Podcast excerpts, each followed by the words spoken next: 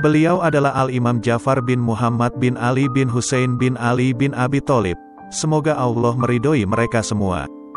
Gelar beliau yang terkenal adalah As-Sodik, beliau juga dijuluki Abu Abdillah, dan ada juga yang menjulukinya Abu Ismail. Ibu beliau adalah Farwah bintu Qasim bin Muhammad bin Abu Bakar As-Siddiq.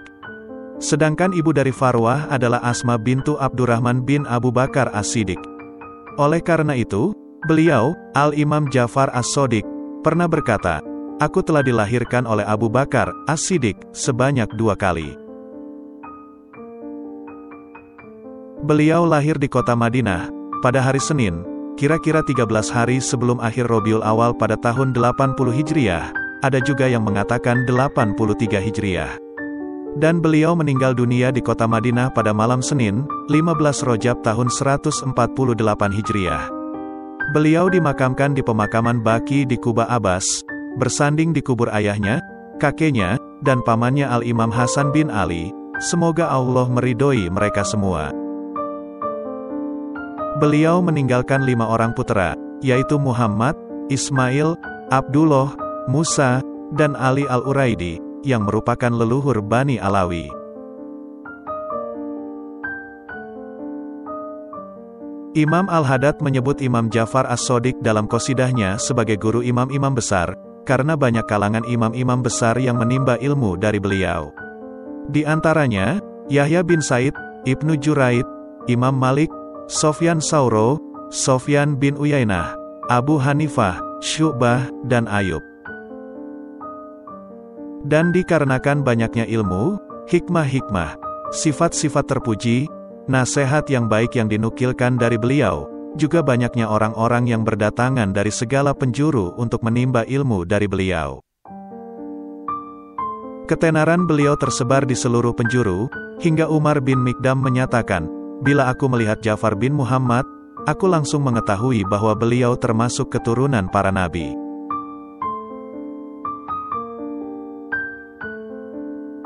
Asyarif Ahmad bin Muhammad Soli al-Baradikhi, mengatakan bahwa nasab para Sayyid atau Syarif di Hadromaut, berpangkal pada nasab Imam Jafar As-Sodik, melalui Muhammad bin Ali Uraidi. Ia diberi gelar As-Sidik, karena kebenarannya dalam kata-katanya. Ia juga diberi nama, Amudusi Saraf, tiang kemuliaan. Umar bin Abi Mukdam, mengatakan, ketika saya melihat Jafar bin Muhammad, yang saya lihat adalah garis silsilah dan rahasia Nabi Muhammad menyatu dalam dirinya. Beliau menerima dari Nabi, dua garis warisan suci, rahasia Nabi melalui Sayyidina Ali dan rahasia Nabi melalui Sayyidina Abu Bakar. Dalam dirinya bertemu dua garis silsilah dan karena itu beliau mendapat julukan, pewaris makam kenabian, makam an-nubuwa, dan pewaris makam kebenaran, makam as-sidikiyah. Dalam dirinya terpancar cahaya pengetahuan akan kebenaran dan hakikat. Cahaya kemilau itu terus bersinar dan pengetahuan akan kebenaran dan hakikat terus tersebar luas melalui dirinya sepanjang hayatnya.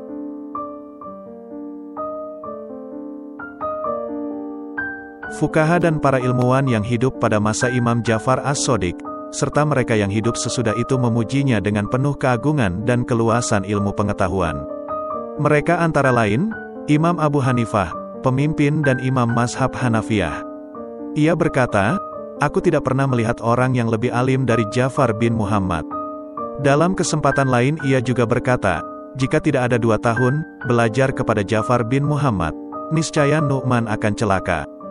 Nama asli Abu Hanifah adalah Nu'man bin Sabit. Imam Malik, pemimpin dan imam Mazhab Malikiyah. Ia pernah berkata, beberapa waktu aku selalu pulang pergi ke rumah Jafar bin Muhammad. Aku melihatnya selalu mengerjakan salah satu dari tiga hal berikut ini, mengerjakan sholat, berpuasa atau membaca Al-Quran. Dan aku tidak pernah melihatnya ia menukil hadis tanpa wudhu.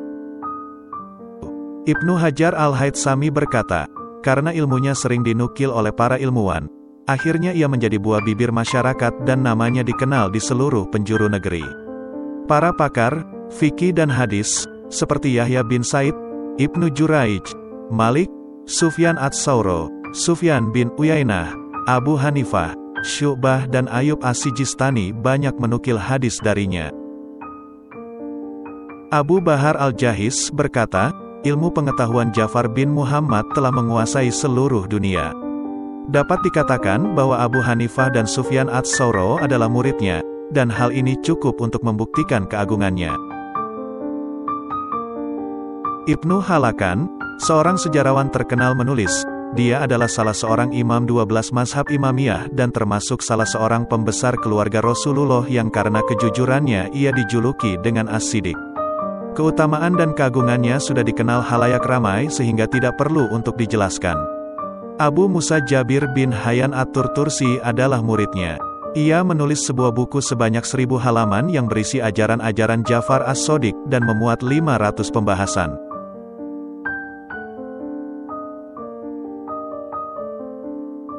Berikut adalah nasihat-nasihat Al-Imam Jafar As-Sodik. Tiada bekal yang lebih baik daripada takwa, dan tiada perkara yang lebih baik dari menahan ucapan, tiada musuh yang lebih berbahaya dari kebodohan, dan tiada penyakit yang lebih parah dari kebohongan. Jika kamu mendengar suatu kalimat yang menyerang, ofensif dari seorang muslim, cobalah untuk mencari makna baik dari ucapannya itu. Jika kamu tidak menemukan makna baik dari ucapannya, katakanlah pada dirimu sendiri, saya tidak mengerti apa yang dia katakan, ini dimaksudkan untuk menjaga keharmonisan di antara muslim. Jika engkau berbuat dosa, maka memohon ampunlah, karena sesungguhnya dosa-dosa itu telah dibebankan di leher-leher manusia sebelum ia diciptakan. Sedangkan yang membuat mereka celaka adalah terus-menerus melakukannya. Barang siapa yang merasa lambat datangnya rezeki, maka hendaknya memperbanyak istighfar. Barang siapa yang dibuat kagum oleh sesuatu dan menginginkannya demikian terus, maka perbanyaklah ucapan. Masya Allah la quwata illa billah.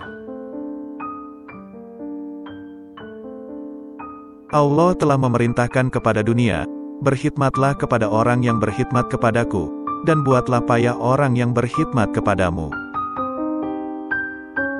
Jika engkau menjumpai sesuatu yang tidak engkau sukai dari perbuatan saudaramu, maka carilah satu, atau bahkan sampai 70 alasan, untuk membenarkan perbuatan saudaramu itu.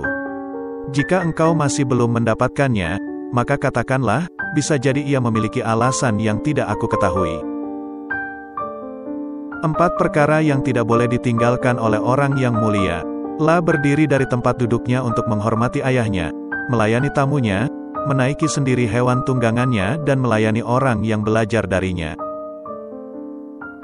Kebaikan tidak akan menjadi sempurna kecuali dengan tiga perkara. Memandangnya sedikit, menutupinya dan menyegerakannya, karena bila kamu memandangnya sedikit ia akan semakin besar, bila kamu menutupinya kamu akan menyempurnakannya, dan bila kamu menyegerakannya, maka kamu akan diberi ucapan selamat. Di antara wasiat beliau kepada putranya Sayyidina Musa, Wahai anakku, barang siapa yang menerima apa yang Allah berikan padanya pasti ia akan puas. Barang siapa yang melirik apa yang dimiliki oleh orang lain niscaya ia dalam keadaan miskin.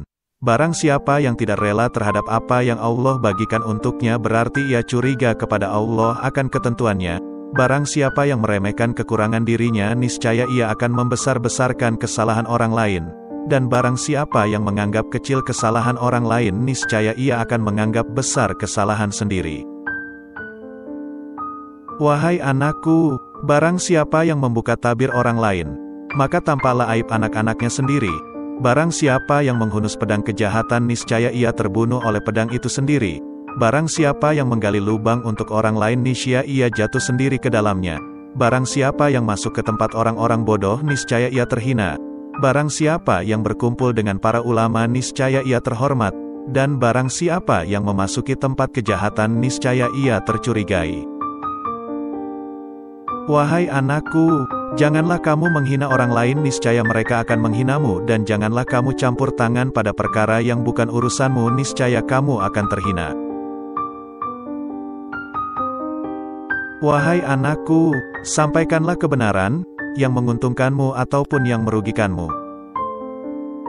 Wahai anakku, jadilah orang yang menyuruh pada perbuatan ma'ruf dan mencegah perbuatan munkar, menyambung tali hubungan dengan orang yang memutus hubungan denganmu, memulai pembicaraan dengan orang yang mendiamkanmu, memberi orang yang meminta darimu, dan jauhilah perbuatan adu domba karena perbuatan itu menanamkan permusuhan di hati orang banyak juga jangan sekali-kali kamu mencari aib orang lain.